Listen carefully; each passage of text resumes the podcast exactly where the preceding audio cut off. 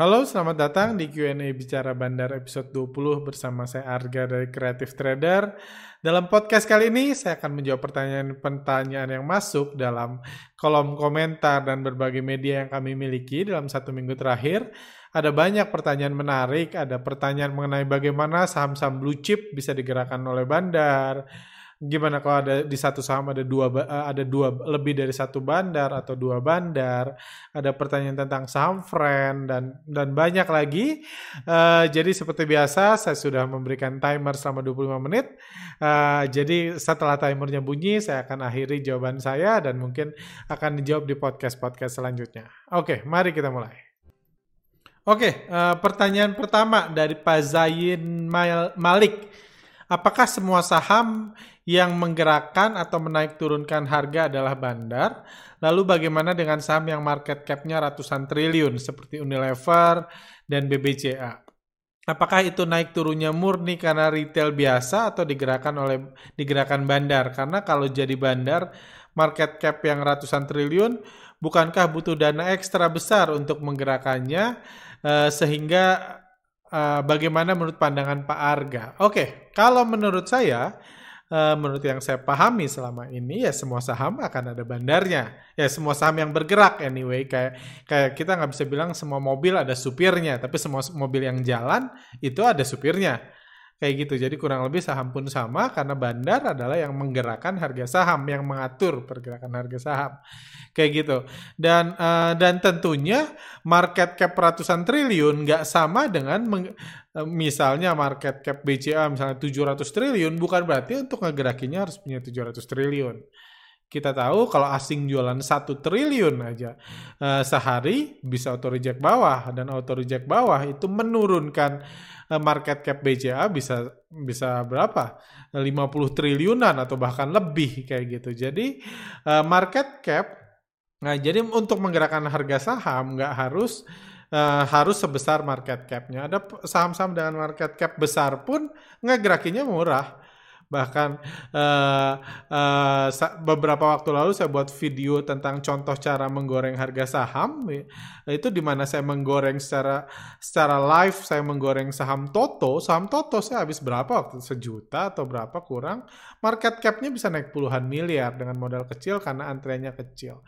Seperti itu. Jadi menurut saya ya semua saham itu ada bandarnya dan tentunya bandarnya pun bekerja sama dengan retail. Jadi seperti yang saya cerita dalam uh, pembahasan kami hari ini di uh, Instagram kami, kami mengatakan gimana asing bekerja sama dengan retail, asing yang naikin, nanti di atas asing butuh profit taking. Di situlah pentingnya investor lokal. Kalau asing cuma naikin sendiri, uh, ya, uh, naikin sendiri tentunya modalnya akan habis tanpa uh, jadi butuh investor itu. Jadi kalau asing profit taking kan butuh kita. Jadi saling bekerja sama lah untuk menggerakkan harga saham, tapi harus ada bandarnya. Kalau cuma ada retail ya, jangankan BCA saham BEX saja nggak naik-naik kayak gitu Sambex bagi yang tahu ini salah satu per, saham perbankan yang kepemilikan retailnya paling besar dan udah bertahun-tahun digocap karena dulu ini dipom-pom habis-habisan sama mayoritas fundamentalis dan lain-lain ketika Sambex itu Bank Banten diakuisisi ya, uh, diakuisisi sama Bank Banten dan sekarang ada gosip pilot lah dan lain-lain. Dulu ini saham favorit retail dan udah digocap bertahun-tahun retail di situ semua pengen naik tapi nggak ada yang bisa naikin. Jadi retail nggak bisa naikin harga. Cuman bisa berdoa bersama aja supaya bandarnya naikin harga itu. Kayak gitu. Kalau kalau back saja nggak bisa, apalagi BCA. Tapi tentunya saham-saham market cap besar itu biasanya yang atur pergerakannya investor asing, bukan bandar lokal. Seperti itu. Lanjut. Parga mau nanya, ada channel YouTube lain yang menggunakan analisa teknikal dan beberapa kali akurat. Apakah menurut Pak Arga bandar juga menggunakan analisa teknikal? Kan selama ini Pak Arga selalu bilang bandar mah bebas. Thank you Pak Arga atas YouTube-nya yang selalu saya pantengin dari Pak Egi Andrea. Uh, benar, uh, saya udah pernah jawab gitu. Saya nggak percaya ada satu bandar pun akan mengger, uh, akan menganalisa teknikal gitu. Kenapa? Karena bandar yang menggerakkan harga. Jadi uh, bandar yang menganalisa menggunakan teknikal itu analoginya kayak supir yang melihat jejak sendiri untuk memutuskan gerak ke mana. Nggak masuk akal analisa teknikal itu analisa jejak, jejak mobil. Apakah supir akan melihat jejak mobilnya sendiri? Enggak Atau contoh uh, contoh sederhananya, misalnya bandar baru nerbangin saham nih. Hari ini hajar kanan terbang. Harganya loncat, dihajar sore-sore, langsung terbang naik tinggi, terus dia tebelin antrian sampai naik 10%. Setelah naik 10%, apakah ketika market tutup, dia lihat candlesticknya, terus dia tarik garis, wah breakout nih. Bagus dong, kan enggak. Bener nggak gila juga kan wong dia yang naikin ngapain dia harus narik garis breakout ngapain dia harus bilang resisten uh, uh, itu break resisten dan lain-lain? Ya tentunya enggak lah gitu. Nggak mungkin uh, misalnya saya naikin harga terus saya narik garis wah breakout wah golden cross. Berarti bagus dong. Ya iya lu kan naikin. Di sisi lain kalau nggak pernah ada yang naikin nggak akan pernah ada yang golden cross kayak gitu. Jadi uh, saya nggak percaya ada satu bandar pun menganalisa teknikal. Dia lebih suka tentunya menganalisa bid offer, seberapa banyak retail ngantri beli di level tertentu supaya dia bisa guyur dan lain-lain.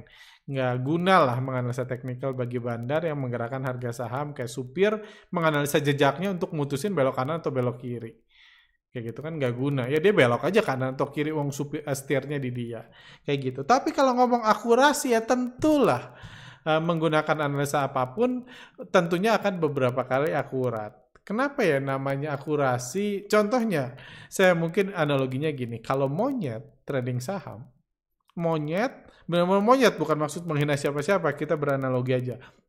Monyet dikasih trading, eh, disuruh trading saham di BEI, dikasih tombol buy dan tombol sell. Pencet buy atau sell, dia bebas milih. Pertanyaannya, apakah monyet itu akan rugi terus? Atau dengan kata lain tidak pernah akurat? Kalau monyet, nggak perlu diedukasi apa-apa, simply dikasih tombol buy atau sell.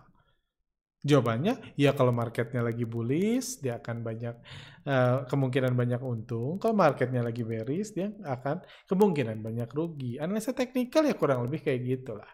Kalau monyet bisa rugi terus, saya udah pelihara monyet sekarang. Saya udah pelihara monyet.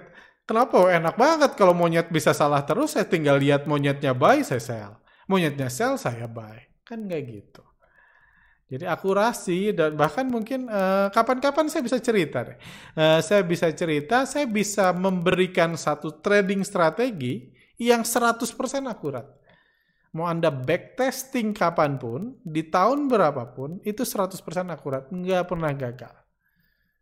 Tapi trading akurat, nggak punya trading gaya trading yang akurat, bukan berarti Anda akan sukses dalam trading.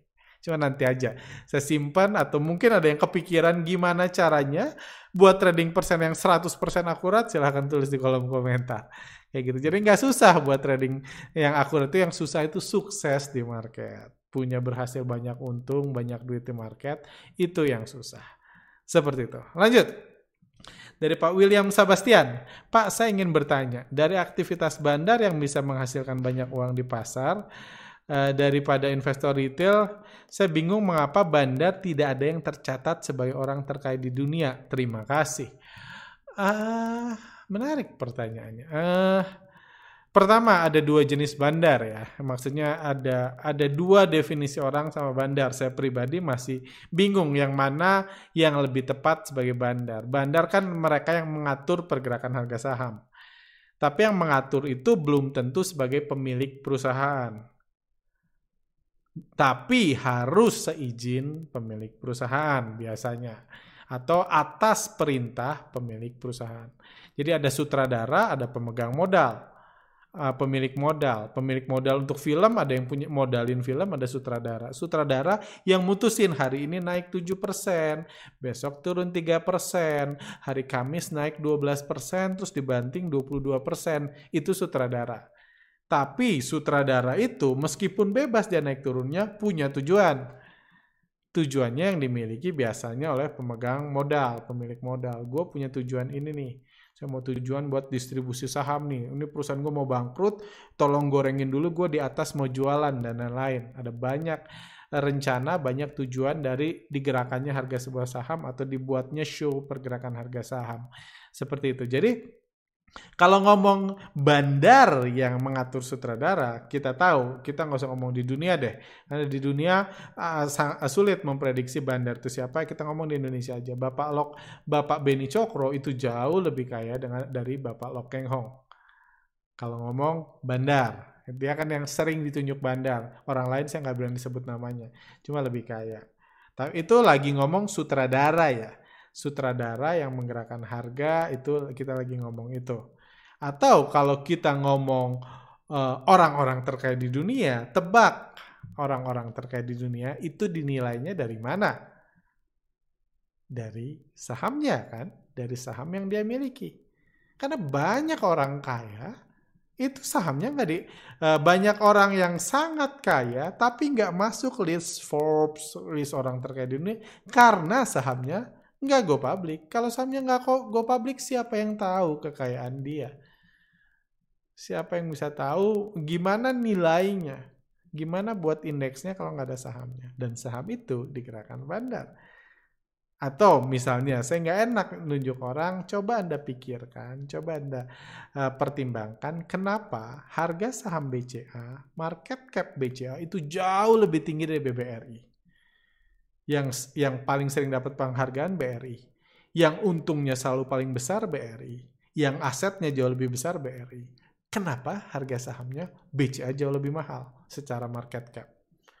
Bahkan eh, kadang-kadang hampir dua kalinya. Kayak gitu, pernah hampir dua kalinya kalau nggak salah. Ketika BRI jatuh-jatuhnya. Kok bisa? Jadi Anda mungkin putuskan sendiri untuk Bapak William Sebastian kalau menganggap bandar nggak ada di list orang-orang terkaya. Oke, selanjutnya Pak Arga saya mau tanya, adalah sa mau tanya adalah sama yang bandar adalah sama yang bandarnya keluar dan jadi saham tanpa bandar. Dan akan seperti apa kabar saham itu? Artinya pure retail saja di dalamnya dan apakah mungkin bandar keluar sepenuhnya dari sebuah saham? Tentunya dia punya lot banyak dan sulit untuk buang uh, uh, semuanya ke retail-retail. Uh, saya jawab ini dulu keluar semua itu sangat kecil, sangat sulit dan biasanya kalau bandar keluar semua biasanya nggak peduli dulu di 2000, di 7000 pas sudah keluar atau hampir keluar semua harga sahamnya udah di 50. Dan biasanya kalau memang pemegang saham besarnya sudah keluar semua biasanya sahamnya delisting. Setelah itu karena pemilik kepentingan besar udah nggak mau ngurus lagi, tinggal kita retail-retail yang cuma bisa berharap mudah-mudahan suatu hari dinaikin bandar. Cuma itu sangat jarang terjadi kayak gitu.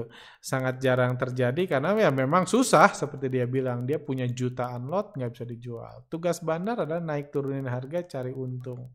Atau kalau punya kepentingan lain, misalnya harganya dijatuhin buat ini, misalnya ada investor strategis mau beli nih perusahaan lu, mau beli dalam jumlah besar, tolong bantingin dulu ya, gitu, bantingin dulu biar retail-retail pada cut loss, biar investor strategis bisa pegang sahamnya dalam jumlah besar, bisa disuruh dibanting dulu, dikeluarin berita jelek terus dikumpulin di bawah. Ada banyak cerita di balik pergerakan harga saham. Uh, cuman tentunya kalau dijual habis itu belum uh, kecil kemungkinan sampai habis. Dan kalau habis biasanya ceritanya sangat buruk. Dan atau kalau saham yang sudah ditinggalin bandar ya tidur. Sesimpel itu. Saham kalau ditinggalin bandar nggak ada kekuatannya. Contoh di bumi saham sejuta umat. Yang punya katanya sejuta nyangkut semua sejuta sejutanya bisa naik nggak? Ya nggak ada yang bisa naikin bandar. Kalau retail ditanya satu juta satu jutanya ditanya Anda pengen bumi naik, pengen semua saya yakin. Tapi ya keinginan saja nggak cukup. Butuh kekuatan, butuh duit, butuh knowledge, butuh modal yang besar, butuh skenario yang bagus untuk menaikkan bumi. Nggak cukup modal keinginan atau harapan. Seperti itu. Pertanyaan saya satu lagi. Kalau uh, retail TP kan 10 1 sampai 10%. Kalau TP-nya bandar berapa? Eh, yang Bapak tahu 100%, 1000%, oh enggak lah. Uh, retail sering kali dari sisi persentasi untungnya jauh lebih besar. Cuman ya nggak 1 sampai 10% juga. Uh, saya pribadi jarang banget 10% udah profit taking. Kalau saya nggak ngerasa saham situ itu dalam bahaya kehancur uh, kejatuhan yang ngeri biasa saya jauh di atas 10% kalau saya profit taking. Itu satu. Uh, apakah 100 karena jangan lupa bandar itu bukan kayak retail. Beli di 100 jual di 150, untung 50%, nggak kayak gitu bandar. Bandar mungkin beli di 100 gitu, beli beli beli di average dari 80 sampai 100 dia beli 50 500 ribu lot terus dia kerek tek tok tek tok naikin ke 150 terus di 150 dia jual lagi dia jual lagi 500 ribu lotnya sampai turun balik lagi ke 100 Cuman average dia total mungkin untungnya 20%. Tapi itu proses panjang. Itu sebabnya kami sangat eh, senang ngikutin bandar karena akumulasinya lama, distribusinya lama. Apakah ada acuan sejak akumulasi dijualnya ber dijualnya berapa persen? Tergantung banyaknya akumulasi sih karena nggak bisa dipakai pukul rata kayak gitu. Karena kalau barang yang diakumulasi di bawah banyak, naikinya pun harus tinggi, jual jualannya pun harus tinggi. Nah, karena kalau misalnya belinya banyak, dinaikin dikit udah dijual, ketika dijual bisa turun ke bawah harga ini kan. Uh, ke bawah harga modal mereka. Jadi semakin banyak akumulasi, semakin tinggi naiknya. Jadi nggak bisa dipukul rata kayak gitu. Berapa persen rata-rata uh, uh, bandar profit taking ya karena ya tergantung uh, rencana, tergantung strategi atau ada saham-saham yang mungkin mungkin ownernya pengen masuk Forbes, pengen dianggap anggap kaya ya dikerek aja terus naik kayak beberapa saham yang baru baru beberapa tahun terakhir jadi blue chip ini karena mungkin ownernya pengen rankingnya tinggi di Forbes ya digoreng aja terus tanpa harus jualan ke retail karena tujuannya pengen cepat kaya. Karena bagi kalau kita kan rakyat jelata pengen cepat kaya kan caranya dengan bekerja keras, cari gaji, cari keuntungan itu kalau kita. Kalau orang-orang elit pengen cepat kaya di atas kertas, nilainya market cap-nya, valuation-nya pengen cepat kaya goreng aja sahamnya. Kayak gitu. Jauh lebih simpel bagi mereka. Kayak gitu. Dari Shiva Rustini, Abang Arga yang baik dan ganteng. Terima kasih ilmunya yang sudah di-share. Semoga Abang dan keluarga diberikan kebahagiaan, kesehatan, dan dan rezeki yang baik. Amin. Amin. Saya karyawan PNS, agak susah untuk trading karena tidak bisa standby di depan komputer. Apa saya ikut reksadana indeks saja ya? Saya sudah buka akun RDI dan beli reksadana indeks di aplikasi Bibit. Bagaimana saya menemukan manajer investasi yang baik? Bagaimana menurut Abang Arga? Hmm, Oke, okay. uh, eh, saya asumsikan mungkin uh, karena uh, apa ya? Susah jawabnya. Uh, karena Iya, kalau orang sibuk, nggak punya waktu buat belajar, nggak punya waktu buat ngamatin market, nggak punya waktu buat riset, atau salah satu dari, atau nggak punya semua di situ dan mau investasi, memang reksadana salah satu pilihan yang menarik.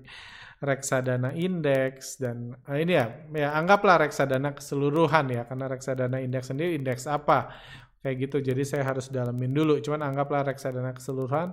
Mungkin itu saya pun sampai satu tahun lalu saya banyak menyarankan kenalan saya yang bilang saya tanya punya waktu belajar nggak? Lu nggak punya.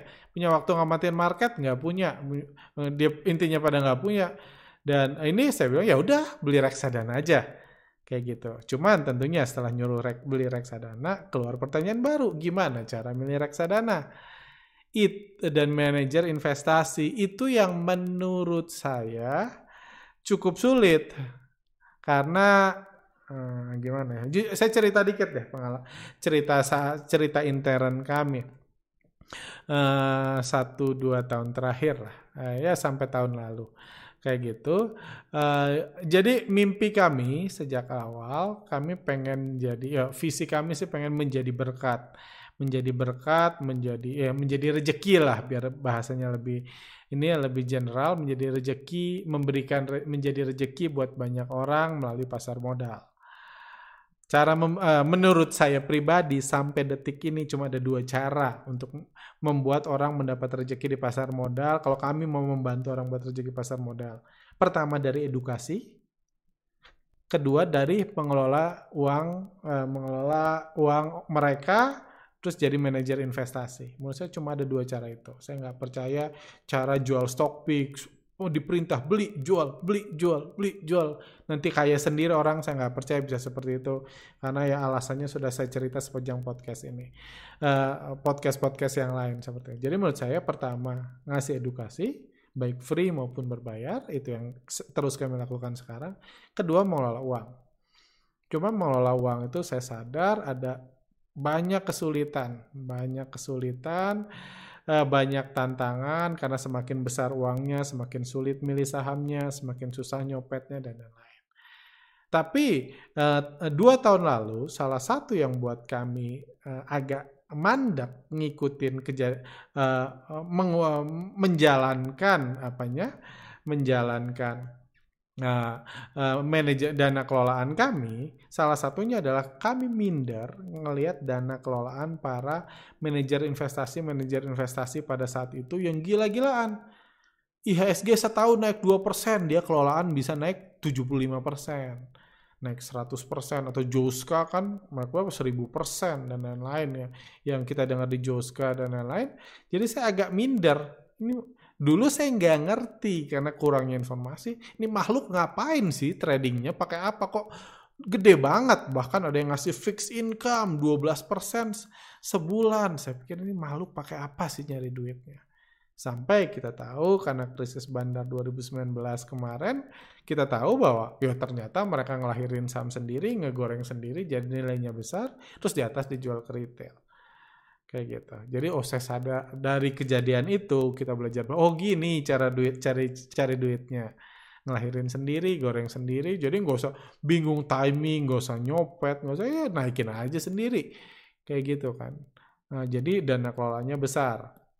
Nah, nilai um, uh, returnnya besar dan banyak orang masuk ya terus aja diputar kayak gitu kan. Jadi saya sadar kayak gitu. Oh ternyata kayak gitu. Dan tentunya setelah kejadian itu saya uh, saya uh, mulai berhati-hati. Oh jangan-jangan kalau banyak manajer investasi ternyata cari untungnya gini, berarti saya sadar. Uh, saya sadar bahwa bahaya ikut reksadana karena kita tahu ada banyak reksadana nggak bisa dicairkan sampai sekarang karena krisis bandar 2019 lalu. Saya kenal banyak lah orang yang curhat ke saya, gimana duit gua? Ditanam sini tanam sini. Sekarang cair pun nggak bisa di cut loss nggak bisa dan lain karena sahamnya diparkir semua di 50-an dan nggak bisa dijual. Itu yang terjadi. Jadi milih manajer investasi itu ternyata susah. Apalagi kalau satu-satunya informasi yang kita dapat adalah kinerja masa lalu karena bisa aja kinerja masa lalu itu dilahirkan dari menggoreng satu saham terus-terusan digoreng gila-gilaan Udah itu jadi kinerjanya besar kan satu saham naik 1000%, portfolionya ada 10%, itu kan naiknya udah 100% portfolio itu. Kayak gitu. Jadi jadi ya saham-saham multi bagger itu kan sebenarnya itu bukan karena fundamentalnya bagus, bukan karena apa ya karena memang digoreng habis-habisan. Itu yang sering dikenal dengan saham multi bagger gitu. Jadi uh, menurut saya cukup sulit gitu dan tips saya biasanya adalah ya udah kalau Anda pilih manajer investasi, carilah yang saham-sahamnya, yang lima saham terbesarnya adalah chip besar, dan secara historis kinerja sahamnya uh, nggak kinerja dana kelolanya nggak jauh dari IHSG. Kalau naik nggak jauh naik, uh, nggak jauh dari IHSG, kalau turun nggak jauh turun dari IHSG. Mungkin itu yang bisa saya sarankan. Tapi jujur, kalau Anda pengen belajar riset sedikit, Anda bisa punya kinerja seperti itu. Intinya kinerja yang ngikutin IHSG, IHSG turun Anda turun, IHSG naik dengan naik dengan cara yang jauh lebih sederhana dan jauh lebih murah. Cuma saya nggak enak share di sini karena itu materi di workshop money management. Cuman kalau Anda berpikir kreatif, Anda akan dapat cara itu jauh lebih murah, nggak usah bayar fee reksadana dan lain-lain dan kinerjanya akan mirip dengan uh, manajer investasi dengan kinerja yang setara dengan IHSG. Udah kami buktikan. Seperti itu. Oke, langsung uh, jawab lagi. Ini komentar tentang uh, post kami di Friend hari uh, hari ini sore ini ente ini sering nyinyir sama komentator saham. Tapi ente sendiri tidak sadar jadi komentator saham. Kemarin ente bilang friend turun dan bandarnya jualan terus. Sekarang naik ente ngomongnya beda lagi. Bullshit semua analisa bandar melgi ente. Kalau memang jago ente nggak usah banyak teori tinggal bilang aja friend besok naik atau turun dan sampai harga berapa. Oke. Okay. Uh, apa ya, saya nggak ngerasa nyinyir sebagai komentator saham, saya hanya menjelaskan fungsi komentator saham. Wah, habis waktunya, cepat ya. Uh, saya hanya menjelaskan fungsi komentator saham. Apa fungsi komentator saham? Sederhana, mengomentari pergerakan harga saham. Kalau harga saham naik, bilang umumnya dikaitkan dengan fundamental, cari berita bagus. Kalau ada harga saham uh, turun, cari berita jelek. Kan gitu. Uh, hari ini naik, cari berita bagus. Hari ini besok turun, cari berita jelek besok. Itu fungsi komentator saham. Yang saya edukasi di sini adalah, kalau Anda pure mau jadi trader, Anda nggak butuh mikir seperti komentator saham. Kayak gitu. Kalau Anda digaji sebagai komentator saham, ya jadilah komentator saham. Jangan mikir kayak trader. Saya pribadi, jujur, at least sebulan dua kali saya diminta akan oleh menjadi komentator saham. Sekali sama CNBC, sekali sama IDX Channel. Saya saya nggak mau dua minggu sekali. Saya biasanya sebulan sekali atau tiga minggu sekali saya diminta. Dulu saya ke Jakarta, sekarang saya live dari kantor ini untuk di TV. Di situ saya jadi komentator saham. Karena misalnya di CNBC di awal-awal saya dari katakan tolong jangan sebut ada kata bandar di TV ini. Siap ente yang punya rumah saya ikutin jadi saya jadi komentator saham lah ngecap lah sana sini sana sini kayak gitu jadi saya saya komentator saham jadi saya nggak nyinyir cuman saya bilang nggak perlu mikir seperti itu karena itu nggak penting untuk cari untung. Kayak gitu. Kalau friend ya memang silahkan lihat di di ini kami di Instagram kami. Kemarin kami mengatakan kami heran Kenapa bandar saham friend bisa terus jualan ke retail? Padahal biasanya kalau udah turun kayak friend ini, biasanya retailnya panik udah pada cut loss dari 2-3 hari yang lalu. Itu yang saya katakan. Silahkan baca sendiri. Saya bingung malah kok bisa. Bahkan saya bilang kemungkinan ini kayak dihipnotis nih retail-retailnya kok bisa beli terus. Itu yang saya katakan kemarin. Kayak gitu. Itu yang terjadi sampai pagi ini sampai sesi satu ini DR masih terus jualan, retail-retail masih terus beli. Tapi di itu juga kami mengatakan cara bandar naikin cara memaksa bandar naikin harga gampang. Cut loss aja semua. Kalau semua retail pasang cut loss di harga 90, 80, setebal mungkin cut loss, akan dimakan bandarnya. Karena bandar nggak bisa jualan lagi kalau retail pengen cut loss. Bandar pengen jualan, retail pengen cut loss, yang beli siapa? Kan nggak ada. Jadi kayak gitu.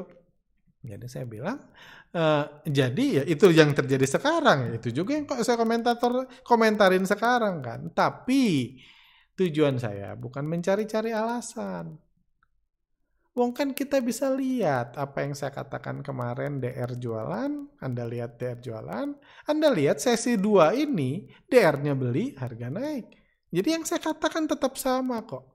Ya tentunya karena postingnya, karena postingnya itu setelah market tutup ya tentunya jadi komentator saham, jadi komentar pergerakan bandar di saham friend. Yes.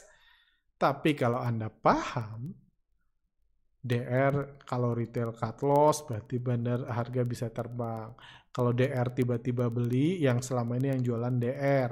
Kalau tiba-tiba DR beli atau ada broker-broker bandar lainnya beli itu ciri-ciri mau dimakap. Kalau Anda paham itu, Anda bisa beli sahamnya tadi siang.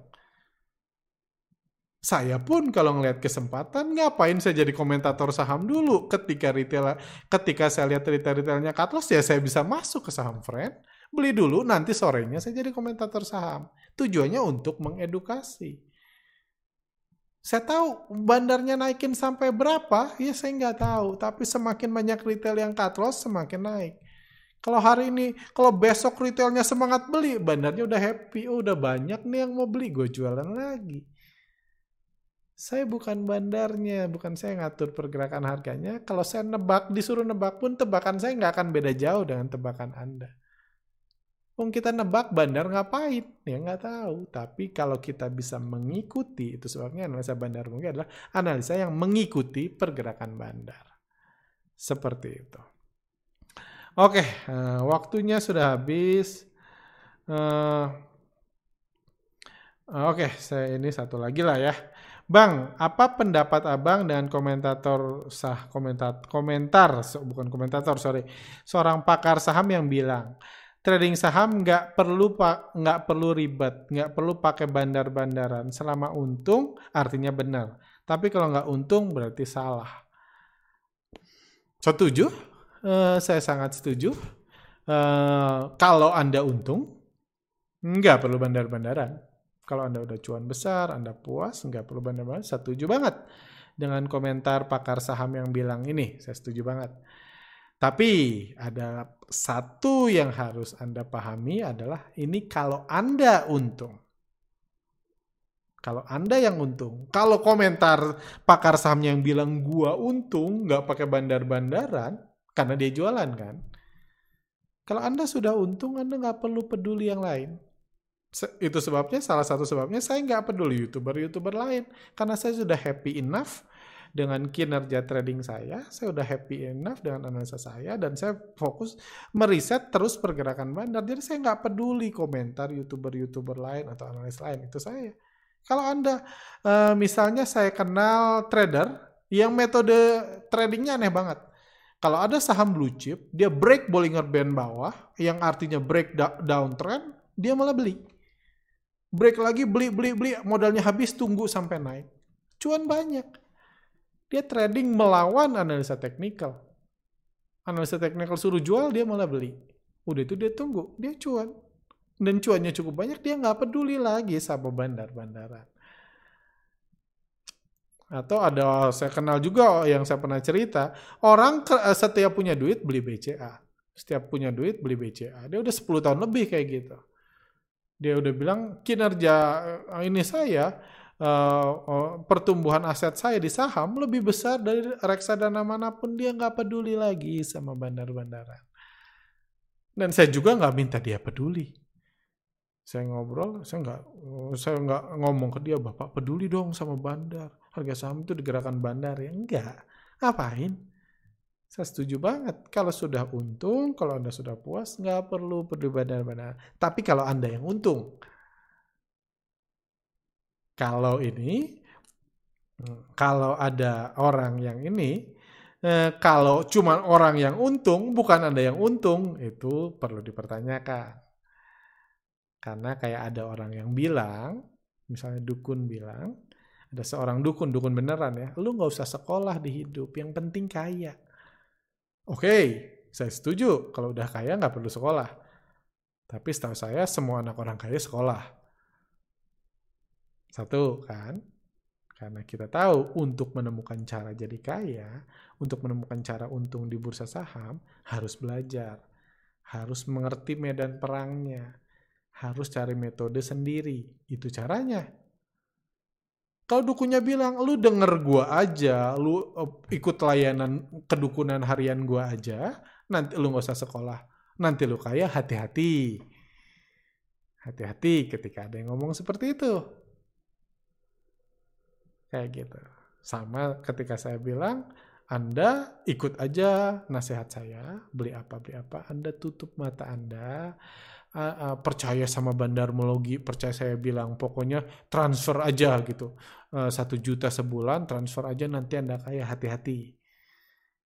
Itu sebabnya saya mem selalu membuka pemikiran seluas mungkin buat Anda buat strategi selebar mungkin pakai logika Anda.